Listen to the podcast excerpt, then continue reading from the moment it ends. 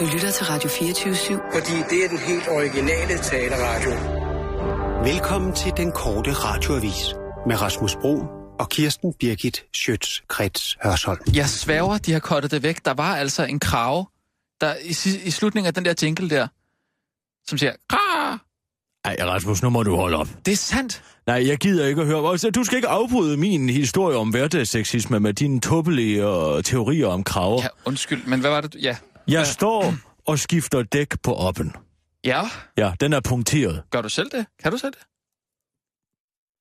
Det var dog imponerende. Kan du selv det? Ja, det Mig ikke som svært? kvinde, Nej, eller hvad? ikke dig ikke kan finde kvinde. ud af at skifte et dæk. Altså, det er jo ikke sværere end at skrue nogle møtrikker fra. Jeg er opvokset på en gård, kammerat. Ja. Jeg kan også kværke en høne, hvis det skulle være. Nej, nej, det var bare... Og du ville jo løbe skrigende væk, hvis du så et levende dyr, der ikke lå i frysedisken. Nej, det, jeg ved godt, hvor. Ja, tak. Ja, vi er på om... f- Siger vi det. Klar, parat, skarp. Og nu, live fra Radio 24 Studio i København. Her er den korte radiovis med Kirsten Birgit Schøtzgrads Hasholm. Moderne er at skære 100.000 kroner, og vi bringer advarsel og så til sidst vejret. Venstre, der går til valg på at indføre et såkaldt moderne kontanthjælpsloft, har ikke vil melde officielt ud, hvad kontanthjælpsloftet skal ligge på i fremtiden. Men nu giver et spørgeskema fra Berlinske Research, som øh, 218 venstrefolk har svaret på, et klart billede af, hvad begrebet moderne kontanthjælpsloft kommer til at dække over. 100.000 kroner skal der skæres, hvis man bruger kontanthjælpsbarons familien, øh, der, der, der med tilskud kunne nasse sig til 454.215 kroner om året, som eksempel.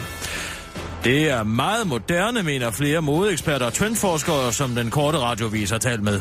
Det kommer til at stå rigtig godt til den moderne mindsteløn, der også bliver rigtig populær i fremtiden, udtaler modeekspert Uffe Bouchard og fortsætter. Jeg forudser dog, at det på et tidspunkt bliver endnu mere moderne at sætte kontanthjælpen yderligere ned, når det ikke længere kan betale sig at arbejde, fordi mindstelønnen bliver sat ned, udtaler modebøssen til den korte radioavis. Og så bringer vi en advarsel. Det er i dag onsdag, og det betyder, at Ida Augen rejser rundt med de københavnske S-tog for at møde den almindelige dansker.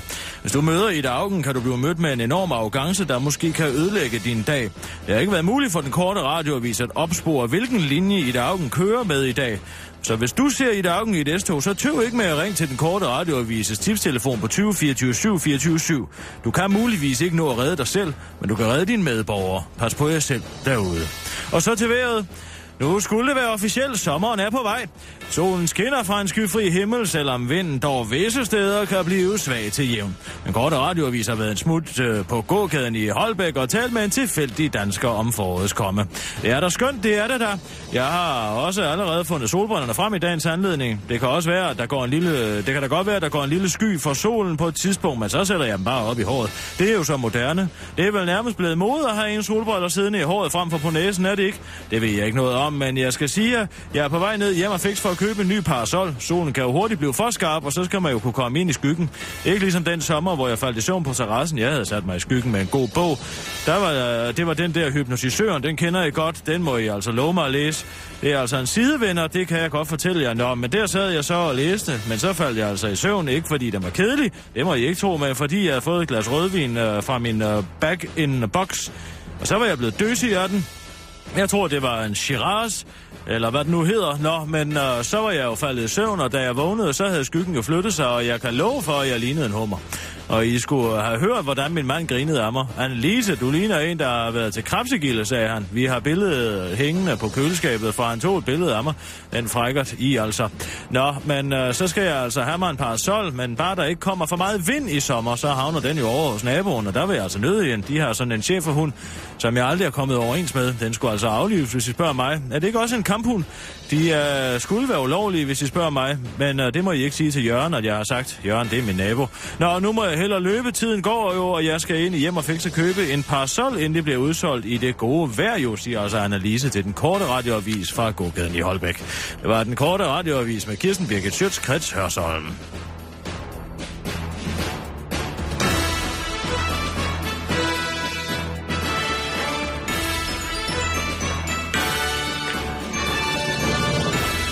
Og ja tak, Kirsten, så er vi ude. Nej, men så står jeg jo der Ja. med den punkterede op, Mm-hmm. og, som jeg har kørt med, Ja. midt på højbroen. På Højbroen. Højbro Ja. Plads, eller hvorhen? Øh... Ja, på Højbro Plads, Rasmus. ja, ja. Fordi der kører jeg jo ind i oppen. For hvad? Nej, på Højbroen, Storbæltsbro. På Lige- Storebæltsbroen. Lige efter Sprogø. Så står jeg derude Nå. og skifter dæk, og så skulle du se, Ja. hvordan folk, hvordan mænd, de dytter. Jeg står jo der med rumpen i vejret, og så kan de ikke dyse. Så dytter de honk, honk, honk, honk, og dyt, dyt og bot. Ja. Og det er den ene bil efter den anden, og jeg vender Ja. mig om og ser liderligheden i deres blik. Det kan jeg godt fortælle dig. ja, det lyder da ikke. Føj for satan. Men Bare stod- fordi de kan se, en, en kvinde kan tage fat. Du tror Det ikke, det, de var, ikke fordi styre du, du tror ikke, det var, fordi du stod midt på Storebæltsbroen og skiftede dæk? Nej. Hvorfor det? Ja, det var jo en nødsituation. Hvad skulle jeg have gjort? Ja, Kørte de i selvfølgelig. vandet, eller hvad? Nej, nej, nej, overhovedet ikke. Nå, men det, var, det lyder da ubehageligt. Det var meget ubehageligt. Ja. Det kan jeg lige så godt sige. Jeg har også skrevet det inde på The Everyday uh, Sexism Project. The, the, the hvad? The Everyday Sexism Project. Everyday Sexism Project. Project. Ja. Ja, okay. Det kender jeg ikke noget til. Uh, jeg lagde mærke Nej. til, at du... Uh, Det kender du ikke noget til. uh, jamen, er, er, er det noget nyhedsrelateret, eller hvad? Noget nyhedsrelateret. Ja, det var bare, fordi jeg lagde mærke til, at du sagde Uffe Bouchard om uh, modebøssen. Ja? Uh, Bukhart hedder han bare. Nej. Jo. B-U-C-H-A-R-D, ja? Bouchard. Ja, men det er udtalt... En, det, altså, øh, en, en mund, ikke? Jeg tror altså, selv- ja. øh, En amuse bouche, Bouchard. øh, nej, altså, ja, det udtales bare Bukhart. Bukhart. Ja. Det har jeg svært ved at tro. Jamen, jeg, jeg fortæller bare, Altså, hvordan... sådan en, en modebøsse, øh, bøsse, uh, det er jo altså uh, Bouchard. Jamen, han siger selv Uffe Bukhart. Og hvor har du hørt det? Ja, det er bare sådan noget, man siger i medierne, tror jeg. Altså, det er sådan, hans navn skal udtales. Hvorfor skal vi diskutere det? Fordi vi er uenige, Rasmus. Jamen, du kan da ikke være uenig med... Og der vil du måske bare gerne bestemme. Nej, det er ikke, intet med, at jeg gerne vil bestemme. Jeg siger bare, hvordan hans navn skal udtales. Det er da også sådan, han selv udtaler det. Det var bare til, en, til, til fremtiden, hvis der kommer en nyhed med Uffe Bukhart. Bouchard. Og jeg vil stå ved at sige Bouchard. Så siger du hans navn Nu forkert. skal jeg fortælle dig en ting. Ja. Hvad? Ja, hvad? Du Hvad? har fuldstændig glemt, at vi lige har talt om The Everyday Sexism Project. Nej, nej, det har jeg ikke glemt. Øh, Det var bare lige, hvis du vil vide det der. Ja, men så lad mig... Fordi du har jo ikke haft tid, eller har haft lyst til at gå ind og, og læse lidt om, hvad dit køn gør ved os kvinder, vel? Hvad mit køn du gør ved ligeglad jer. Øh, Skal vi nu fortsætte det her? Fortsætte. Vil du høre her? Hør her. Ja. Ganske almindelige kvinder. Der, 80 procent er man oppe på nu, Rasmus. 80 procent af danske kvinder har været udsat så, øh, øh, for sexikane, ligesom den, jeg oplevede på Højbroen. Jamen, jeg så godt, Ekstrabladet skrev, millioner af danske kvinder oplever sexisme, men jeg tænkte, Ja. det kan da ikke hænge... Altså, 80 procent af 2,8 millioner. Hvad er det?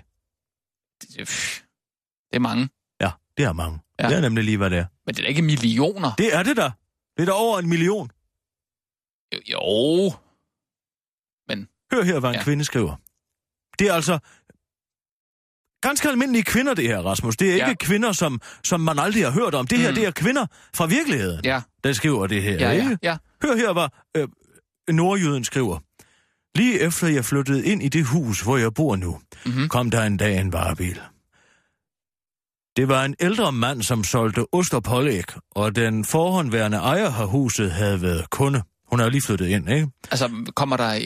kommer en sælger. Med- af med ost og pålæg? Nå. Ost og pålæg, ja. Ja, det vidste jeg ikke, man kunne. Pri- prisen var så hæderlig, at øh, jeg også købte hos ham. Mm. Men det varede ikke længe, fordi han havde den vane at stå oppe i lommerne på mig hver gang han gav mig noget, penge, retur eller varerne, mm. så skulle han lige strejfe mine bryster med hånden. Nå, Først troede jeg, det var et uheld, Mhm. mm-hmm. men da det foregik hver gang, kunne der, kunne der ikke være tale om et tilfælde, og nu kommer det slående bevis. Mhm. Min hund lagde også mærke til det. Den var ellers fredeligheden selv. Mhm. Men når han kom, blev den vaksom og knurrede af ham. Han tillod sig endda at klage over den. Og så bad jeg ham blive væk. Selvfølgelig kom han igen, men jeg lukkede ikke op, og til sidst blev han endelig væk, gamle gris. Hunden lagde også mærke til det. ja. Og er der én ting, du kan stole på, så er det en hunds intuition. Mm. Den er en bedre menneskekender end dig. Okay. Du Jamen, har det- mødt her, du har jo set, hvordan den ikke kan lide dig. Ja, det har jeg da. Men øh, har du ikke øh, opfattet, at den ikke kan lide mig, vil jeg så sige? Den, er, den holder øje med dig. Ja. Er du fløjtende ligeglad med Nej, den slags nej, historier? nej, overhovedet ikke. Jeg tænkte bare på, om du kan køre bordet lidt op. Jeg synes, jeg står sådan lidt foroverbøjet. Det var dog utroligt. Så man der dog op. Jamen, jeg spørger bare, om du kan køre bordet lidt op. Kan du det? Jeg har også hørt, du skal til massage.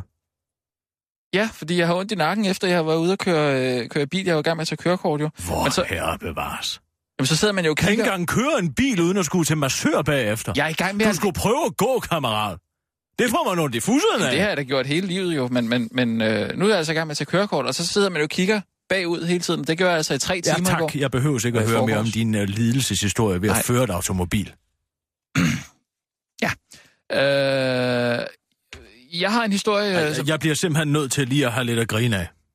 Hvad for noget? Jeg skulle ikke Nej, ikke Tyre Frank nu. Jeg er vokset op i et hjem, hvor, min Kirsten. far han sagde, der skynder sig slukke for fjernsyn. Vi har ingen rum for at blive dummere, end vi er i Kirsten. Jeg har hørt den, telefonen, Og jeg tager den, og det er Anders. Så, Det jeg, så er det bare, han siger til mig, øh, Hvad siger Anders? Tyre, jeg vil bare øh, spørge dig, om øh, vil du stille op for Liberale Alliance? Ja, nå, hvad så? Og i sådan et sekund er man bare utrolig lykkelig over, at øh, når man er jo sygeplejerske, at man har en dobbelthage, for ellers er man kæbe gået led. For den stop, fordi hun er en kraftig pige. Ja. brystkassen, ikke sandt? Og, og, Ja, og, øh, ja, ja, ja, ja. Anders, Jamen, rummer I sådan en som mig? Nå, nu skal du Øh, se. Så sagde han, jo, Mm, jeg kender den godt. Du har tænkt på dit... Øh, jeg vil gerne have en praktiker ind. En praktiker. Nu skal vi høre. Altså, det var jo... Jeg, jeg fik at vide, at jeg ikke var synlig. Som, jeg prøvede på at tale en mor, som sagde, det er da første gang 130 kilo ikke er synlig. Nej, hvor hun kan. Og nu kommer svirpet med halen. At. Fire var på bare et minut. Og jeg har bare altid været det. Jeg er vokset op i et liberalt samfund. hør nu. Mm. Ved du hvad, når vi gik i kirke hver søndag, min far han sagde altid, at vi bliver nødt til at gå i kirke. Det er synd for præsten, han er alene. Altså, Nej! Rasmus! Det Ja, er er- religionskritik. Ja, det ved jeg nu ikke, om jeg kan det. Men øh, jeg har en historie, som lige er noget for dig i dag, Kirsten. Nå, Det er kongehuset. ja. Nu vi Hvad snakker... med dem? Er Prins Henri? Øh, nej, det er, øh, det, det er jo faktisk noget med kvindeundertrykkelse at gøre. Aha. Ja, fordi øh, i går... Men hun da- er der stadig dronning, ikke? Hvem? Han er ikke blevet konge endnu. Hvem? Prins Henrik. Nej, nej, han, er, han, er, han er, hedder stadig... Øh, Prins øh, Kemal. Prins Kemal, Ja, okay, godt Ja. nok. Så er Øh, der stadig hende, der bestemmer. Jamen, det er ikke noget med det at gøre. Øh, det var fordi, der var besøg fra Holland i går. Det har han aldrig kunne tåle. Nej. Han har aldrig kunne tåle, at, at, at, at, at, at dronningen bestemmer mere end ham. Kan du han huske, kan ikke klare kan, det. Nej. Kan du huske, at øh, der jo var besøg i går, eller de er her stadig, øh, fra Ja, Holland? det er derfor, det hollandske, så meget. Det hollandske regentpar er jo på besøg i Danmark. Ja. Men i går, der ankom de til Kong lufthavnen. Willem. Ja, og der, der, de ankom til lufthavnen i går. Men så du, så du optagelser derfra? Nej, tak. Det gjorde jeg ikke. Jeg har andre ting at beskæftige mig med, end hvorfor busserne flager. Der var altså tale om kvindeundertrykkelse, kan jeg godt, kan jeg godt love dig. Øh, prinsesserne, altså Mary og Marie, Ja. de skulle... Mary. Mary? Altså Mary. Ja, sagde jeg ikke det? Uh, Mar- du sagde uh, uh, uh, Mary. Mary? Mary. Det sagde jeg ikke, jeg sagde Mary. Ja, hun hedder Mary. Jeg sagde, hvad for noget? Mary. Nej, ikke Ma- Jeg sagde Mary. I Danmark hedder hun Mary. Nej, i Danmark hedder hun Mary. Ja, hun ja. hedder... Uh, så vil hun hedde Marie, men fordi den anden hedder Marie, så kalder vi hende her for Mary. Nej, Mary og Marie. Mary og Marie. Hun hedder Mary. Der er mange, der siger Mary, men jeg siger altså Mary. Det er jo sådan, det skal udtales, ikke? Malawi. Ikke? Mary. Nej. Mary. Øh, hvad var det, jeg Sig det, sige? som du vil. Øh, øh, øh, ja, vi er på om et minut. Nu, Prøv at høre. Øh, de, de, øh, de, de, de, de nejer helt vildt dybt for kongen. Nå. Ja, altså nærmest, så jeg vil Altså sige, det er Mar- kvinder. Mary og, og, og, Og Marie. Og, og Marie. Ja, lige præcis. Marie. ja, de, de, øh, de nejer, og jeg har, jeg har talt med en, øh, en historiker, Ja. som, som mener, at det er, øh, altså det er en måde at underlægge sig kongen på. Altså, fordi de, de er helt nede i knæ. Altså, de er helt nede. De er nærmest Helt nede. under de er nærmest siger, nede. "Åh, altså, samtidig, Gode herre, Ja. tak fordi du vil flyve til vores land. Er det det? eller ja, hvad? samtidig med, at det kigger ham i øjnene med sådan et, åh, meget sådan... Under dagen et seksuelt blik, Ja, lige præcis. som var de i gang med at udføre fellatio på Altså, ham. de underkaster Er det det? deres køn. Er de i fellatio-position? Ja, det er de. Længere nede, vil jeg nærmest sige. Længere nede? Nej, eller, eller så langt nede. Men jeg har smidt det på Facebook, og det er en debat, som vi kan tage i dag, tænker jeg. Hvis du lige gider Altså, sige det... os to? Nej, ikke os to. Øh, vores øh, lyttere, vores brugere. Hvis du bare lige gider sige det i nyhederne. Åh, Klar, parat, skarp. Og nu, live fra Radio 24 Studio i København. Her er den korte radiovis med Kirsten Birgit Schøtzgrads Hasholm. The Everyday Sexism Project har fart. Kongehuset undertrykker kvinder, og nu kan du altså nyde en flaske vin over flere måneder. Danske kvinder står i kø for at fortælle om den hverdagssexisme, de oplever. Nye undersøgelser viser nemlig, at op mod 80% af danske kvinder har oplevet at være offer for hverdagssexisme begået af svinske mænd. Tiltaget med navnet The Everyday Sexism Project er et verden om, verdensomspændende tiltag med fokus på hverdagssexisme. Man kan sammenligne det med Desmond Tutu's og Truth and Reconciliation Project i kølvandet på Afrikas apartheid øh, øh styre, hvor offrene og gerningsmænd kunne mødes og fortælle om deres oplevelser med racisme under styret. Vi har bare fjernet gerningsmændenes synspunkt, da de er nogle mænd og nogle svin, og garanteret vil begynde at anfægte nogle af vores historier. Det er ikke meningen, siger en kvindelig talsmand for projektet. På siden danmark.everydaysexism.com kan du læse om kvindernes oplevelser med hverdagssexisme og selv bidrage. Blandt andet skriver en bruger med navn Rige. I forbindelse med en debat omkring lanceringen af et nyt modeblad for kurvede kvinder, twitter Lasse Remmer, at kvinder skal lade være med at have så pikke travlt med at fortælle andre kvinder, hvordan de skal se ud. For det første taler Lasse Remmer i en total disrespektfuld tone, som han formentlig ikke bruger over for andre mænd. Punkt 2 skal han slet ikke fortælle os kvinder, hvad vi skal og hvad vi ikke skal. En anden bruger, der underskriver sig M. Koitu, skriver, her forleden dag skulle jeg slibe balystre på verandaen ude i kolonihaven. Efter jeg havde givet de første to stiver en ordentlig tur med hænderne, kigger jeg op og ser en mand cykle forbi. Han kigger på mig med et liderligt blik. Kongehuset undertrykker kvinder. Efter det hollandske regentpar i går ankom til Danmark afslører optagelser nu, at kongehuset er endnu mere kvindeundertrykkende og ude af trit med den tid, vi lever i, end hidtil antaget. Optagelser fra lufthavnen, hvor det hollandske regentpar ankommer, viser nemlig, at kronprinsesse Mary og prinsesse Marie udviser en total underkastelse, når de benytter det særlige kvindedegraderende dybe nej over for den hollandske kong Willem. Det dybe nej, som prinsesserne her laver, signalerer indirekte, at man stiller sit køn til rådighed for kongen, udtaler feminist og historiker Hanne Marier til den korte radioavis. Hos Dansk Kvindesamfund, hvor man normalt føler sig krænket over det mindste, blandt andet maskulin indrettede jernbanestationer, nægter man i midlertid at forholde sig til prinsessernes nedværdigende optræden. Du kan se billederne på den korte radioavises Facebook-profil. Del og diskuter. Nyd en flaske vin over flere måneder. Et nyt aggregat gør det muligt for dig at nyde en flaske vin over flere måneder. En amerikansk astrofysiker har igennem 10 år arbejdet på en måde, hvorpå man kan drikke en god flaske vin over længere tid, uden at den bliver sur. Han er kommet frem til et system, der ved hjælp af en ultratynd teflonbelagt nål kan prikke hul på korken, og vinen kan suges ud. I tomrummet hvor vi, i flasken, hvor vinen var, var fyldes edelgassen argon ind for at undgå, at vinen oxiderer. Så nu kan du altså nyde en god flaske vin over flere måneder. Vinerentusiasten Per Pallesen stiller sig totalt uforstående over for opfindelsen. Hvorfor drikker man ikke bare hele flasken i en omgang, siger rødmosset Per Pallesen til den korte radioavis. Det var den korte radioavis med Kirsten Birgit Schøtz, Krets Hørsholm.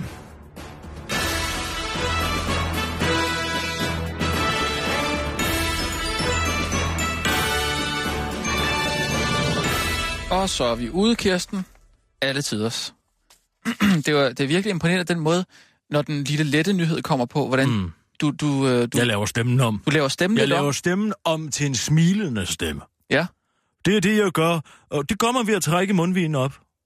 Hvorfor kunne du ikke gøre Prøv det? at høre mig fortælle to historier. Jeg kan, jeg kan måske bruge en af de her Mm. historier inden for Everyday Sexism.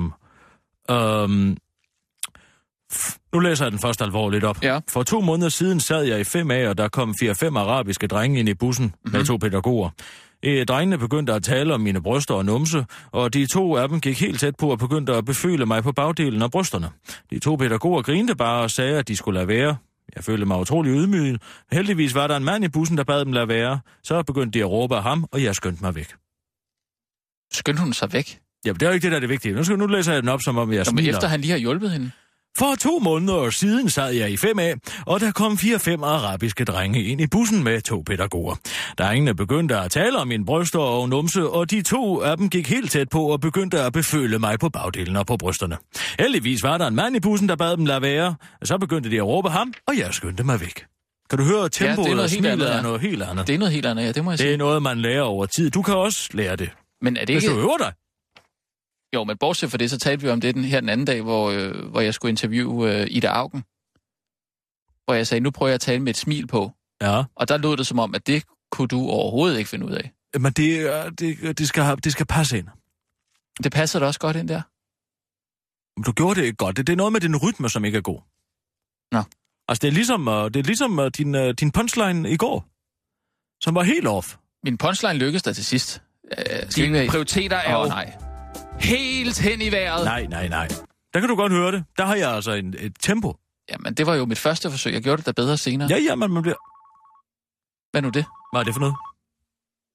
Det er ikke min. Er det en brandalarm? Min er på lydløs. Nej, det er ikke en brandalarm. Det er din Nå. telefon, Det er Morten Morten. Messerschmidt. Jeg Nå. tager, jeg tager den lige. Okay. Hallo? Ja, hallo, er det Kirsten? Ja, hej Morten. Går det godt? Goddag. Det går udmærket. Jeg sidder hernede i Bruxelles på vej i lufthavnen for at komme hjem til Danmark, og så sidder jeg lige og hører jeres program og synes, det mangler en lille smule fokus. Ja. Øhm, Ja. For, ja, det, er, og det er jeg jo ked af, altså, fordi normalt er jeg en stor fan at høre det hver eneste dag. Jeg synes, du får strammet tingene op på en øh, meget sympatisk Altså, og hvis du, hvis, måde. du, der hvis, du, mangler- hvis du tænker på det med det radikale, så kommer det. Bare rolig. Jeg er lige så oprørt som Udmærket. du. Jeg er lige så oprørt som du, Morten. Hvad, hvad er det for noget? Hvad er det for Rasmus blander lige Ja, ja, udenom. ja. Jeg taler lige med Messerschmidt. Morten, altså, hvad, hvad, Ja, det hvad, er hvad, er det, hvad, hvad er det, der foregår? Hvad bilder de sig Jamen altså, det er jo bare det radikale venstre for fuld flor. Altså, det er jo den måde, de normalt opfører sig på. Det er jo ikke noget overraskende. Det, der er overraskende, det er, at der stadigvæk er radikale i Folketinget, at folk overhovedet kan finde på at stemme på dem. Jamen, hvordan, hvordan, altså, har vi slet ikke noget at skulle have sagt? Altså, hvordan, det føler som om, at de ikke. bare laver politik hen over hovedet på os. Jamen, det er vel også den eneste måde, de kan få deres politik igennem på. Hvis det skulle være demokratisk og åbent derude og have mandatet til det, så ville det jo aldrig lykkes for dem. Det er jo også derfor, de har lavet en aftale om retsforbeholdet, sådan at de kan gennemføre EU's udlændingepolitik uden at skulle spørge danskerne senere hen. Jamen, hvad, Det er er Danmark ikke oprørende. længere en suveræn stat? Altså, nu bliver jeg nødt til at spørge, hvad er det, der foregår dernede? Kan du ikke stille noget op? Du må barrikadere døren eller et eller andet, Morten. Jeg er ikke sikker på, at en barrikade vil fungere. Men vi gør, hvad vi kan. Lige i øjeblikket, der må det jo handle om at øh, få forklaret den her aftale, som EU-partierne har indgået, hvad det handler om. Og det var der, hvor jeg synes, at jeres program i dag manglede noget fokus. Fordi hvordan kan de korte nyheder øh, gå, gå fuldstændig hen over den, øh, den øh, væsentlige Jamen, det gør den jo heller ikke. Jeg, EU-partierne? jeg fortæller dig jo, at det kommer i næste nyhedsudsendelse. Jeg har skrevet en knivskarp historie om det. Hvad er det? De Jamen, der, det er er det, det der retsforbehold, eller hvad er det, det, Ja, om? Rasmus, det er de retsforbehold. Ja, hvad- Og de radikale er jo allerede i gang med at fejre afskaffelsen af dem, før at vi overhovedet har været i stemmeurnerne. Hvordan fejrer det? Hvad mener du? De fejrer det på Twitter. Er det ikke rigtigt, Morten? Jo, jo, ikke bare på Twitter. De sidder og misker sig i champagne på gruppemøderne og jubler over, at nu øh, skulle det her så være, være klaret. Det er jo en, øh, den grad en desavouering af, af den folkeafstemning, som skal være, at man sidder her allerede nu og, og, og fejrer øh, resultatet. Jeg tror, resultatet bliver det, bliver det modsatte af, hvad de drømmer om. Ja, efter for, ja, at men så spørger de jo det bare igen, Morten. Det ved du jo godt. Det er jo sådan, de her folkeafstemninger, øh, de virker. Hvis vi siger nej, så siger de jo bare, "Nå, men så spørger vi igen om et år, så kan det være, de siger ja. Det bliver de ved med at spørge, indtil de får et ja. Men så må vi jo sige nej, så eftertrykkeligt, at de kan forstå det. Ja, men, men jeg, jeg ved sgu ikke. Jeg, jeg håber ikke på noget. Vi er øh, på vej ned i det sorte... Ja, vi er på vej ned i det sorte hul, der er EU. EU. Vi kan ikke gøre noget ved det. Vi er ved at blive suget ned. Ja, ja med dig. Jo, men altså, det skal, jo, det skal jo gå ned, før det kan gå op, og man vil sige, nu, øh, nu må vi snart have, have vendt bunden. Det var da ganske opløftende her i sommer, så se, hvordan øh, 26 I procent af danskerne stemte på Det Dansk hedder Folkeparti. altså i sommer. Det bliver nødt, der bliver nødt til at rette dig, Morten. Det hedder ikke i sommer. Det hedder i sommer. Ja, det er jeg ked af, men den bliver altså nødt til at slå er, ned er du på. sikker på, ikke, øh, er du sikker på, at det ikke er en, øh, en, en form for lokativ genitiv? Nej, altså man kan ikke sige i sommer, man siger i sommer, her i sommer. Jeg, jeg tror faktisk godt, man må sige begge dele nu om dagen. Ja, men så må vi ringe til Ole Lauritsen. Ole, hvem? Ole Lauritsen fra, fra, fra Sproghjørnet. Men Morten, lad mig lige høre dig om noget andet. Øh, er du flyttet på bakken egentlig? Øh, lige omtrent, altså, fordi bakken åbner jo her i slutningen af Ja, det er det, jeg ved. Sidste weekend, øh, sidste weekend gik faktisk med at øh, få rækket forlystelserne til, så øh, jeg var på hestespillet og gjorde rent og sådan nogle ting. Så det står i hvert fald funklerne klart nu til at, øh, til at åbne. Hvad synes du om det der matador på bakken? Har du noget med det at gøre? Det virker lidt luret, hva'? Jeg har ikke meget med det at gøre. Det, jeg har jo set det øh, under opførelse her igennem de seneste måneder, og det er jo meget sådan øh, stort og, og Ja. flot. Altså, jeg glæder mig til at se det. Jeg har set en masse små hunde derude, der alle sammen hedder Kvik. Nej, er der Øh, hunde derude? det skal... Altså Ja, ja, levende, den rigtige hunde? Ja, Altså- altså, levende hund med fire ben og så videre. Dansk hund, ligesom kvik. Ja, præcis.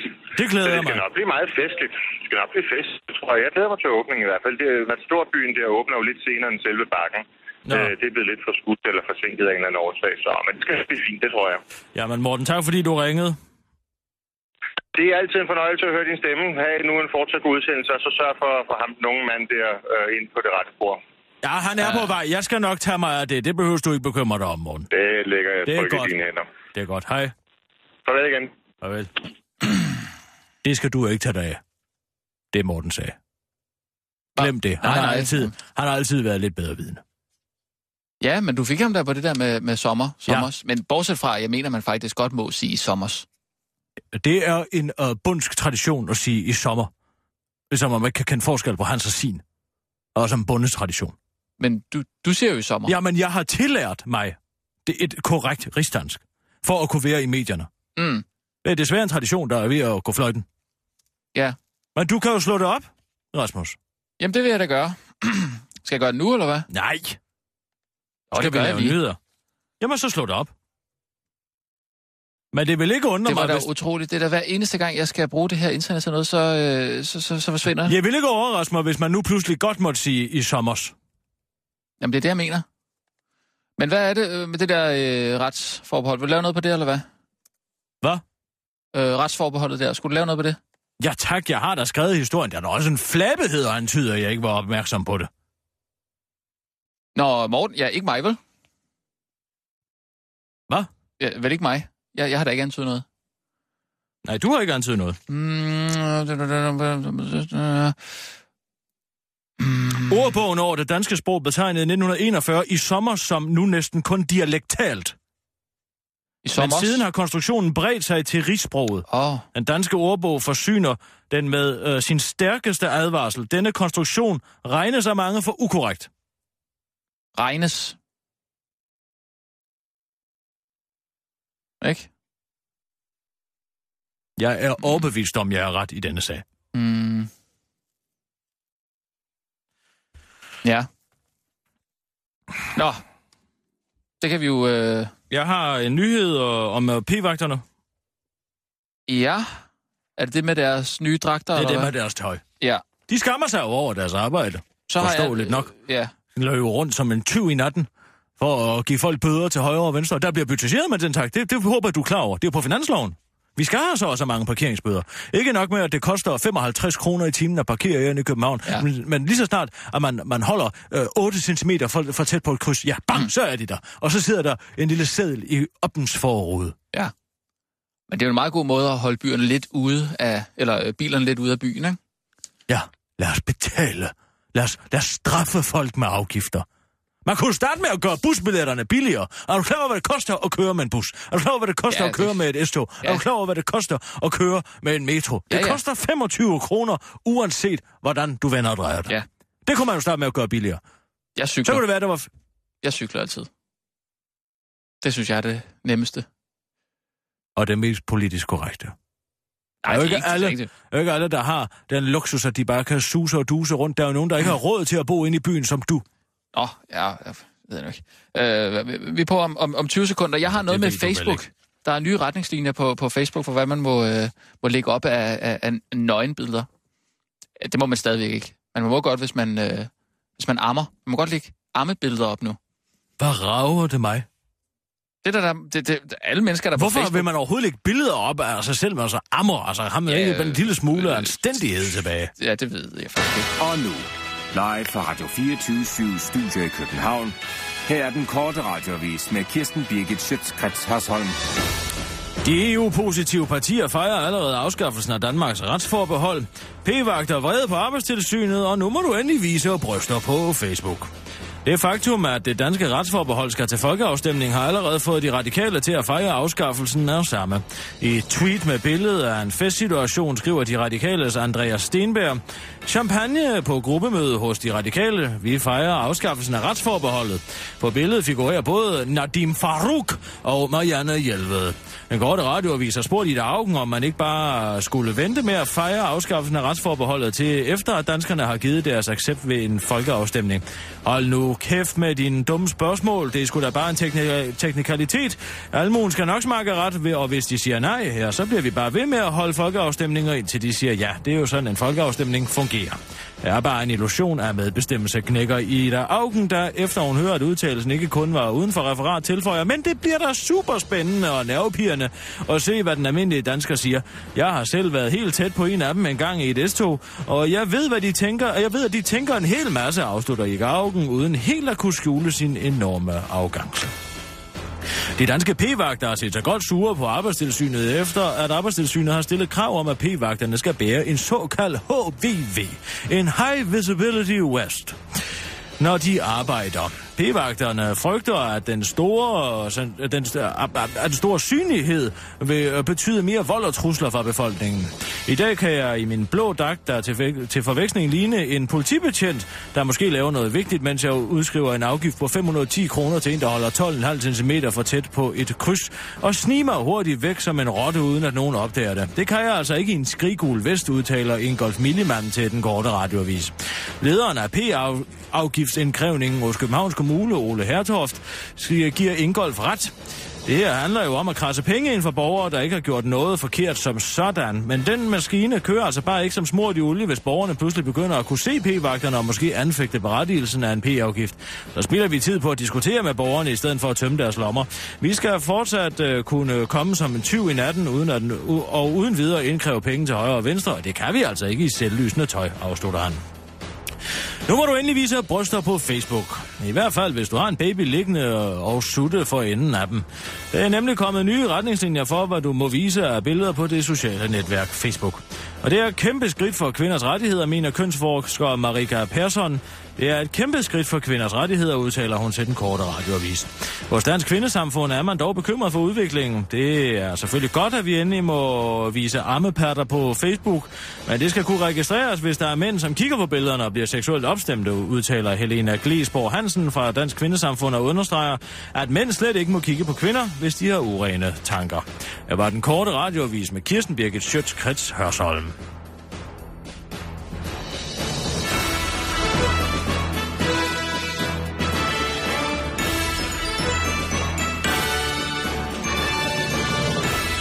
Og ja tak, Kirsten, så er vi ude. Øhm, det er jo onsdag, Kirsten. Og dermed er det jo blevet tid til din kulturkanyle. Kirsten. Ja, jeg sidder og læser det med i sommers. Nå, ja, kan vi ikke tage den på et andet tidspunkt? Er det så vigtigt? Ja, det er vigtigt. Det er vigtigt, hvordan man bruger sproget. Og ja, men altså... Altså på en måde så er sprog jo også bare et, et, et værktøj, som flest muligt skal kunne forstå og bruge, ikke? Ja, tak. Nu lyder du som en af de hippier inden for dansk sprognævn. Vi laver bare betydningen af ord om, som for godt befindende. Mm. Ej, det... Nu kan det pludselig betyde både det ene og det andet. En bjørnetjeneste, det er jo bare en rigtig stor tjeneste, ikke? Ej, hvad tror... med, at vi prøver at holde sproget, sådan så folk kan forstå, hvad der betydes? Jo, men forstår du ikke, hvad jeg siger, hvis jeg siger i sommers? Jo, jeg forstår, at du ikke helt behersker det danske sprog. Det er det, jeg forstår. Det er det, det signalerer. Det er ligesom, når Martin Lidegaard lægger et billede op på de sociale medier. Ja, for jeg har set det, hvor han er til gallermiddag og har en selv, en, en, en, en forbundet butterfly på mm. til et kjolesæt. Nej, nej, nej. Nu flager man med, med sin bundskhed. Nu flager man med sin uopdragenhed. Så lær dog at binde en butterfly. Du er minister for Guds skyld. Tror du, at min far Jens Birke kunne drømme om at virke sig til dyrsko uden en selvbundet butterfly? Nej. Han er jo ikke en klovn i et cirkus. Nej. Øh... Det er blevet moderne at være uddannet. Det er blevet moderne at ikke kunne, kunne begå sig i de finere kredse. Nej, det, det ved jeg nu ikke, om det er, altså. Det... Men... Kan du binde en butterfly? Øh, hvis, jeg, hvis jeg lige fik lidt tid til at øve mig, ja, så kunne jeg da sige godt. Men du har ikke uddannet dig selv til at kunne binde en butterfly? Nu er jeg jo aldrig blevet inviteret til middag hos dronningen, jo. Nej, det er måske derfor. Ja, altså, ja. Men hvad, hvor vil du hen med det? Jeg mener bare, at der er, der er kommet sådan en trend på at være... En hvad? En trend. Nå, en trend, ja. Ja. Der er kommet sådan en trend, hvor, hvor, man bryster sig af, af, af sin uddannethed. Det har jeg ikke bemærket. Se nu for eksempel Morten Messerschmidt. Ja, Han bærer jo en Panama-hat med stil. Ja, han har i hvert fald en Pan- Panama-hat. Ja, og han går med den. Ja. Og han vinker med den, Ja. som var han en adelsmand. Ja. Det er jo dejligt at se, at der stadig er nogen, der holder de gamle traditioner i hævd. ja. Og vi ikke alle sammen bare... Men, men, men, men derfra så til at sige, at hvis man siger i sommers, så er man øh, ja, uddannet, siger du. Det siger jeg da. Det hedder i sommer. Og det er muligt, at man siden 40'erne har sagt, at man godt kan sige det. Og jeg Ja. er ligeglad. Okay. Det var også en stor tilvænding for mig, at jeg ikke længere skulle skrive Å med dobbelt A. Sådan har jeg lært af Jens Birgit, og han sagde, sådan gør man. Hvorfor ændrede du det så, hvis, du, hvis det var sådan, du havde lært det? Ja, fordi at folk de kunne ikke finde ud af, hvad jeg skrev mere. Der kan du bare se. Man er jo nødt til at Ja, ændre men sig. folk ved jo godt, hvad jeg siger, når jeg siger i sommer. Ja. Ja. Hvad, men folk ved også, hvad, hvad, hvad, du ved også, hvad jeg siger, hvis, hvis jeg siger sommers. Nej, i sommers hvad? Ja, jeg var ude at rejse i sommers. I sommers hvad? Ude at rejse i sommers båd? Eller i, i sommers? Det er jo derfor, Sommer han siger... Det er, jo derfor, det er jo derfor, at Morten Messerschmidt siger, at det er genitiv, fordi det er ejfalds S, men det er jo ikke det, der menes her, vel? I sommers. Nej, midt i I sommerferien. Peter Sommers uh, hat. Nej, øh, i, so- i sommerferien. Ja, i sommerferien. Jeg var ude at rejse i sommer. Jeg var ikke ude at rejse i sommers. I sommers hvad? Ja, det, okay. Jamen, det giver faktisk meget god mening, så. Ja. Jamen, Så gider jeg ikke at diskutere det Nej. mere. Kulturkanylen, det er, det er onsdag, det er jo en uh, lidt nyhedsfattig dag, derfor har vi indført... Øh, Jeg er opløftet efter den oplevelse i går. Er du det? En kæmpe oplevelse, var det. Okay, altså, for jeg fik ikke ret meget ud af det, må jeg sige. Ingenting som, som, som, som, som helst. Jeg synes, det var flot. Hvad, hvad, tror du, at udstillingen handlede om? Det havde jeg altså meget svært ved at, at, at gennemskue. Hvad det? Det hed Notes. Notes on location. Notes on location. Altså, øh, altså det var jo... Notes on location. Ja, Tænk dig om. noter på en lokation. Ja, det var flot direkte oversat. Ja. Men noter kan jo betyde mere end én ting, ikke? Øh, Notes, en note. musikalske Ja, noder. det kan det også betyde, ja. Ja. Men det kan også betyde en kommentar. Notater. Ja, det kan også betyde en kommentar. En note til en selv, måske? Ja. Altså, men jeg ved ikke rigtigt, Kirsten. Jeg synes, det var lidt mærkeligt. Jeg- Altså, Nej, men der kan du altså glæde dig til at høre uh, min anmeldelse af, af, af, af, af udstillingen. jamen, det vil jeg gøre. Øh, Det handlede jo om Grønland. handlede det om Grønland? Det handlede om Grønland. Det handlede om den kolonialisme, vi har udsat Grønland for i de, gennem de sidste århundreder. Det handlede om, om, om den kultur, vi har ødelagt igennem hans edes piskeslag Okay, var, var, var det det, du fik på ud af det? Ja, hvad fik du ud af det? Jamen, det har jeg ærligt sagt. Jeg fik ikke rigtig noget ud af det, synes jeg. Jeg Jamen, synes, du bliver meget... nødt til at gå derind og få noget med, ellers er det jo ikke kunst. Jo, men jeg synes, det var flot. Altså, øh, men, men der hang en hat på en knage på et tidspunkt, hvor der stod en, der stod en, en ny hat til et nyt jeg. Ja, Altså, helt ærligt. men hvor hang det henne? Det hang på en væg. Ja, en hvid men, væg. Ja, ja, men det hang jo til sidst i udstillingen.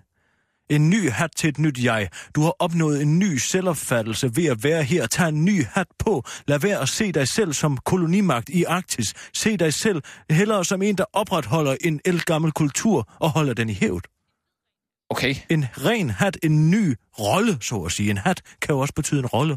men var det ikke en... Var, det var en Du slags... troede bare, at det kunstneren havde gået ind og hængt det, en, en, en hatteknæ op, og så satte en hat på, og, og så skulle det slet ikke betyde noget, eller hvad? Du skal jo finde betydning, Rasmus. Men der var en, der var en, øh, en tom knagerække lige ved siden af. Ja, den rene jomfronalske, hat, øh, jomfronalske, falliske knagerække, du kan hænge dit gamle jeg på, og lade det, så at sige, penetrere af, af, af, af den jomfronalitet, du har taget ud af den arktiske What? kultur. Altså, hvor har du det fra? Ja, det kan jeg da sige mig selv. Det kan du sige dig selv. Jeg tænker indenad, Rasmus, når jeg går og kigger på den slags, så tænker jeg, hvad vil kunstneren mig? Hvad er det, kunstneren vil henvende sig til mig med? Hvad er budskabet, så at sige? Du lyder helt som, øh, som, som Thomas Blackman, synes jeg. Det, de ord tager du i dig igen. Med det samme. Hvad, hvad, hvad er der galt det? om jeg vil sammenlignes med den pseudo-intellektuelle tølper, der sidder der og prøver at instigere en eller anden form for intellektualisme ind Ah. i X-Factor. Nej tak, det kan jeg godt sige dig. Nej, Som om men- jeg skulle være sådan en primetime skaldet luder, der sidder der og udtaler sig om det, der hint han slet ikke har forstand på. Nej, det, det var slet ikke det, jeg mente med det. Jeg, Det kan man jo ikke formulere sig, vel? Hvem er det? Er det Elmer Fjert, eller hvad? Hvem er den mand? Nej, det, det, Det må du undskylde mig. Okay, jeg tager... Sig jeg, undskyld jeg, til ja, mig. Undskyld, Kirsten. Det var ikke min mening at sammenligne med Blackman. Nej. Det var bare fordi, han... modsætning til Blackman, så, øh, så, så danner det, jeg siger, mening. Ja, det gør det i hvert fald. Men jeg forstår ikke, der hang sådan en, en, øh, en, en stor val øh, i lokalet. Ej, den var ikke så stor igen, men den var hvid. Mm. Mm. Og, den så har der sådan der, ligesom- hvordan, hvordan hang den i lokalet? Den hang frit. Den hang i nogle, øh, nogle stoltråde. Hvad, hvad mindede det dig om? Hvad, hvad, hvad, hvad gav det dig associationer til? Det, det, jeg tænkte på uh, Moby Dick. Ja, det er meget en til en, kan man sige. Altså, det er jo fordi, det er en val. Men den hang der i rummet. Jo, der er jo ikke så Hvad mange... hænger, hvad hænger ellers i et rum? Tænk kirkerum. Hvad hænger der? Ja, en, Skibet, øh, ikke sandt? Skibet, i skibet i kirken. Ja, Der hænger, der hænger, der hænger skibe, ikke? Jo. Er vi enige om det? Ja. Den hang der ligesom det. Men der var jo ikke nogen det var, vægmalerier. det, Det, der var ikke nogen vægmalerier. nej, fordi det er jo ikke en kirke, men det er jo en religiøs hentydning til, at vi tager grønlændernes øh, symbol, Grønlandsvalen, og gør den til vores religion. Vi har taget vores religion ned over deres symbol, deres ernæringssymbol. Okay. Altså... Øh, Desuden var der jo også i den valg en, en bolig, ikke? Der var en, der havde lavet en miniatyr af en, øh, af en dagligstue på den anden side af valgen. nej, jeg tror, det var en labyrint. Ej, Rasmus, nu må du holde op. Vi var tager, se. vi tager bogstaveligt talt bolig i eskimoernes symbol, eksistenssymbol. Er du med? Hallo? Ja, nej, ja. Og vi ophøjer den til vores religion, en Ja. form for pseudo-religion. Den hænger der og dingler som skibet okay, i en kirke. Okay, så, så siger jeg bare, ned bag, på den bagerste væg, der hang der en masse, øh, det er sådan noget pergamentpapir med frugtfarve på.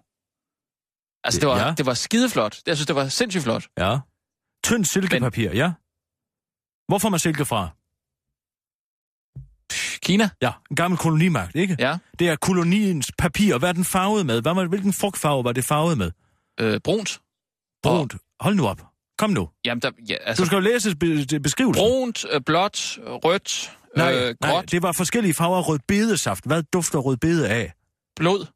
Jord. Terra incognita, den ukendte jord. Kolonien øh, i form af silkepapiret, der er, øh, repræsenterer gamle kolonimagter i den vestlige bevidsthed. Så farver du den med jorden, den blodfarvede jord. Hold da kæft. Ja, det var genialt. Det kan jeg lige så godt sige. Jeg har ikke sovet hele natten. Jeg har siddet og skrevet, skrevet min anmeldelse. Det må jeg nok sige, Kirsten. Altså, øh, jeg har lagt øh, nogle, nogle billeder op øh, fra, øh, fra, fra vores tur i går øh, på Facebook. Det kunne være meget fedt, Jeg har tænkt kunne, mig at... An- Hvad? hvis du bare lige kunne flette ind i din anmeldelse, at man kan gå ind på Facebook. Og, øh, Den er formfuld ind, den anmeldelse. så du vil ikke sige til vores lyttere, at de lige kan gå ind og, øh, og, og kigge Jeg på Facebook tror og nok, deres... at vores lyttere er bekendt med, at man kan gå på Facebook og se de billeder. Ligesom man kunne i sidste uge. Ligesom man kunne i forrige uge i Mm. Det er den første anmeldelse, jeg har lavet som for fuldt hus. Så kan jeg Der siger jeg det. Du giver den god... Jeg giver den øh, fuldt ja, hus. Ja, ja Mm. men det er dejligt. Jeg var meget betaget.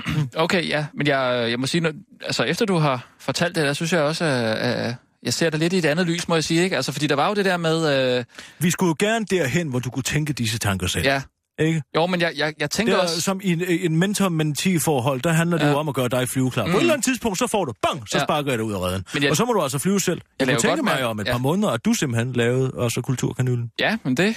Altså... Jeg lagde i hvert fald mærke til, at der var sådan, det var jo, det var jo hvide vægge, ikke? Ja. Altså, man forbinder jo Grønland med sne, ikke? Øh, altså, den hvide farve, øh, Ah. sneen, øh, renheden, øh, altså, u, uskyldige, øh, uskyldige vægge Mm. Du på den. fisker. Nej, det, Oh. Du fisker ligesom de fisker i en fiskerkultur. Det er meget den studentikos, de vej, du går ned af, Rasmus. Det skal du lige opdage lidt. Læs noget litteratur. jo, jo, men... Godt og klogere. Jamen, det, så der er ikke noget der med... Altså, hvide vægge er der jo, fordi det er et udstillingsgalleri. Der er hvide, væggene altid hvide. Det er for ikke at forpure indtrykkene. Men mindre at de ikke er hvide, så er det et valg, at kunstneren har taget, eller kuratoren. Mm-hmm. Kuratoren i den her udstilling var også genial. Kunstnerne var jo mange forskellige, de var jo ikke de samme, der havde lavet det. Nej, det ved jeg, det var forskellige. Øh, Primært unge, Ja. kvindelige nordiske og, øh, kunstnere. Kirsten, vi er på med, med, med kulturkanylen. Øh, Der, der kommer og- nyheder først. Ja, nyheder først, det er godt. Det er vi om 5, 4, klar, parat, skarp, Kirsten. Og nu, live fra Radio 24 Studio i København. Her er den korte radiovis med Kirsten Birgit Schøtzgrads Hasholm. Maddan i dobbeltseng-skandale. Lokalpolitiker for Socialdemokratiet i Nordjurs Kommune jogger i Facebook-spanaten, og så til dagens sjove video. Den ellers altid så korrekte fødevareminister Dan Jørgensen er kommet i stiv modvind, efter han har reklameret for IKEA i bedste sendetid på TV2. Dan Jørgensen optrådte nemlig sammen med Søren Fagli i programmet Søvnløs i sengeafdelingen, som var optaget i IKEA, der også havde medfinansieret programmet. Det er kommet fuldstændig bag på Maddan, at han har reklameret for det kendte møbelhus, selvom reglerne på området er soleklare. Ministeren må nemlig ikke reklamere for firmaer. Punktum. Fødevareministeren er nu modigt trådt frem og fået sin pressemedarbejder til at beklage sin optræden i, i, i IKEA-reklamen, der forklarer hele misæren med, at Dan Jørgensen takker jer til at medvirke i alle tv- og radioprogrammer lige så snart chancen byder sig, og derfor ikke brugte sin hjerne til at tænke sig om.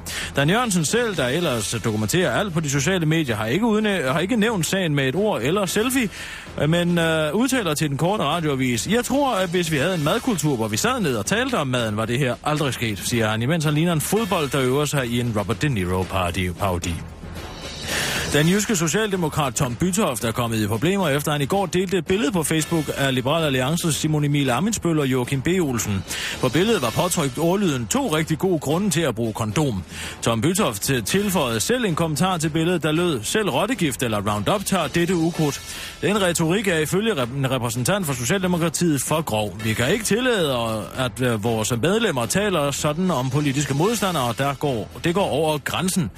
Selv siger Tom Bytoft, at det bare var en spøj, og at det, hele, og at det bare var hans hensigt at starte en debat.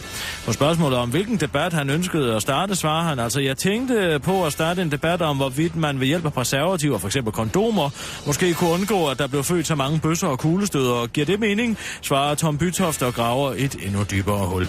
Ifølge politisk kommentator Ask Rostrup skulle Tom Bytoft ikke have uddybet, hvad det var for en debat, han ville have startet. En politiker kan sige hvad som helst, hvis de bare siger, at det var for at starte en debat, men man skal for guds skyld ikke definere, hvad det er for en debat, man gerne vil starte. Så begår man politisk selvmord, siger Ask Rostrup til den korte radioavis. Og så til dagens sjove video. Det denne Nia kan vil hensætte dig til 80'ernes videodage, hvor du sammen med din far gik på tanken for at lege politiskolen 1-19. I de komediefilm er der nemlig ligesom i denne video en Nia med evnen til at efterligne alverdens lyde. Tror du Nia er bedre genetisk disponeret til at efterligne junglen, junglens lyde end den hvide mand? Like, del og diskuter videoen på Facebook. Det var den korte radioavis med Kirsten Birgit Schøtzgrads Hørsholm. Nu kommer Kulturkanylen.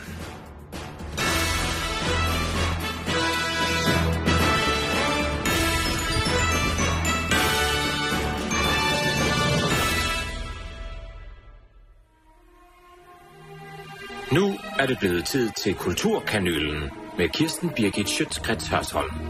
Dit ugenlige skud kultur lige i maveskinnet. Den mentale iskappe smelter på Østerbro. Omgivelserne er ikke eksemplariske, inden man går ind på udstillingsstedet Den Frie på Oslo Plads. Forstår mig ret, vejret var vidunderligt i går eftermiddag, solen bragede ned, og vyet til kastellet såvel som nyboder var inciterende. Det har det jo været i århundreder på dette sted, men den ene øje B efter den anden skyder op i det københavnske. Det nye Østerport station ligner mest af alt et holocaustmuseum, som det står der i sit grå østblokbeton, formgivet af, efter alt at dømme, en dårlig Daniel Libes kendt wannabe.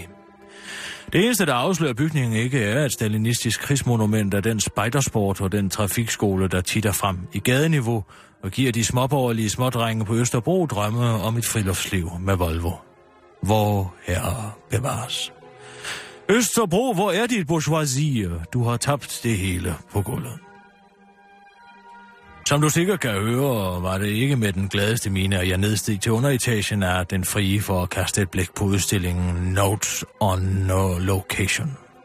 Jeg var faktisk næven, men udstillingen skulle vise sig at ændre min dag fundamentalt. Notes on Location er en af de mest gennemførte udstillinger, jeg til dato har set. Lad mig øh, dele min åbenbaring og resonemang. Notes on location.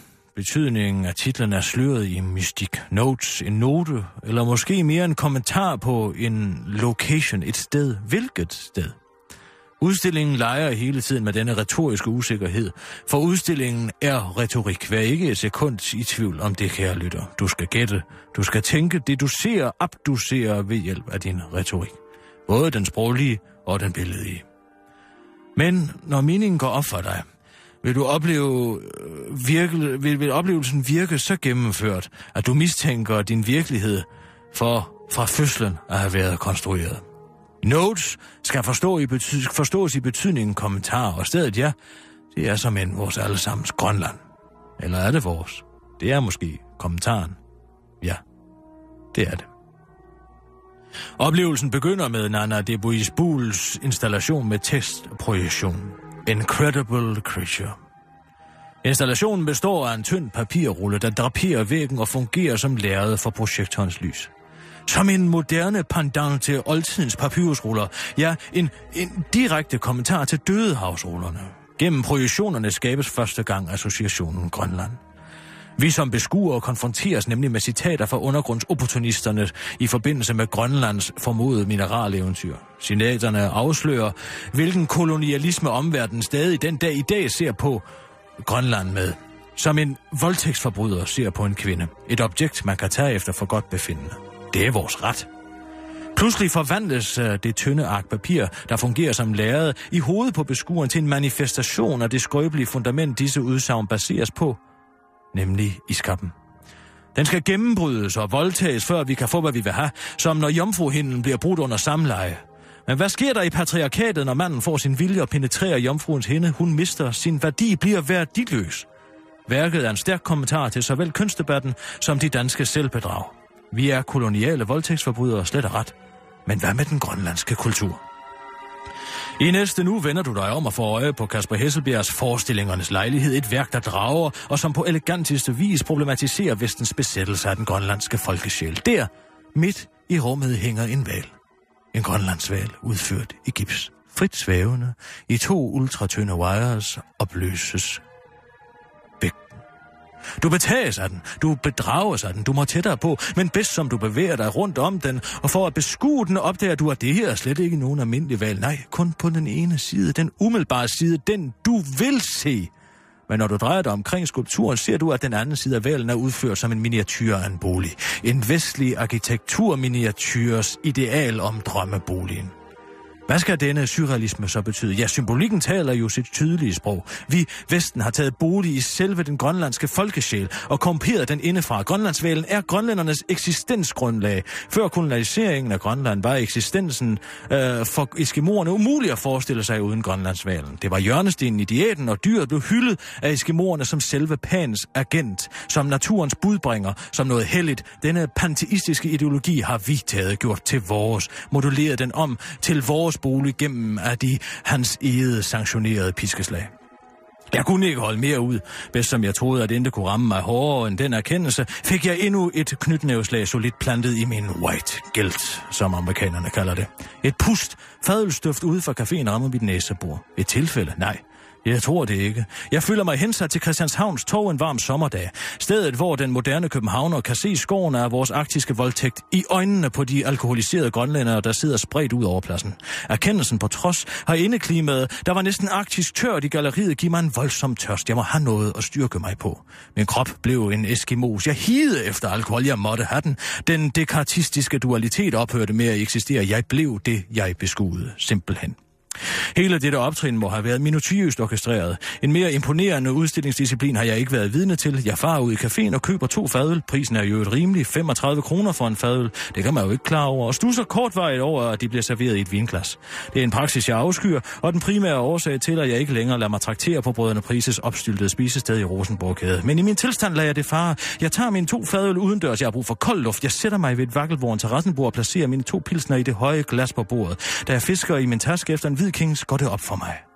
Det hele er en del af udstillingen. Det vakkelvårende bord, pilsneren, livets drik i det høje fartruende glas. En forkert bevægelse, og du har spildt det hele på jorden, og skatten vil være tabt for evigt. Jeg kaster endnu et blik på de omgivelser, jeg nævnede i begyndelsen, og indser, at vi her i, måske, i København måske ligeledes er ved at blive voldtaget af en udefrakommende kolonimagt. Den dårlige smag. Og småborgerligheden vælter ind over os. Et betonbyggeri af gangen. En spejdersport af gangen. Langsomt men sikkert. En dag vil vores kultur måske være at finde i armod på Christianshavns tog. 6 ud af 6 hjerter, mine damer og herrer.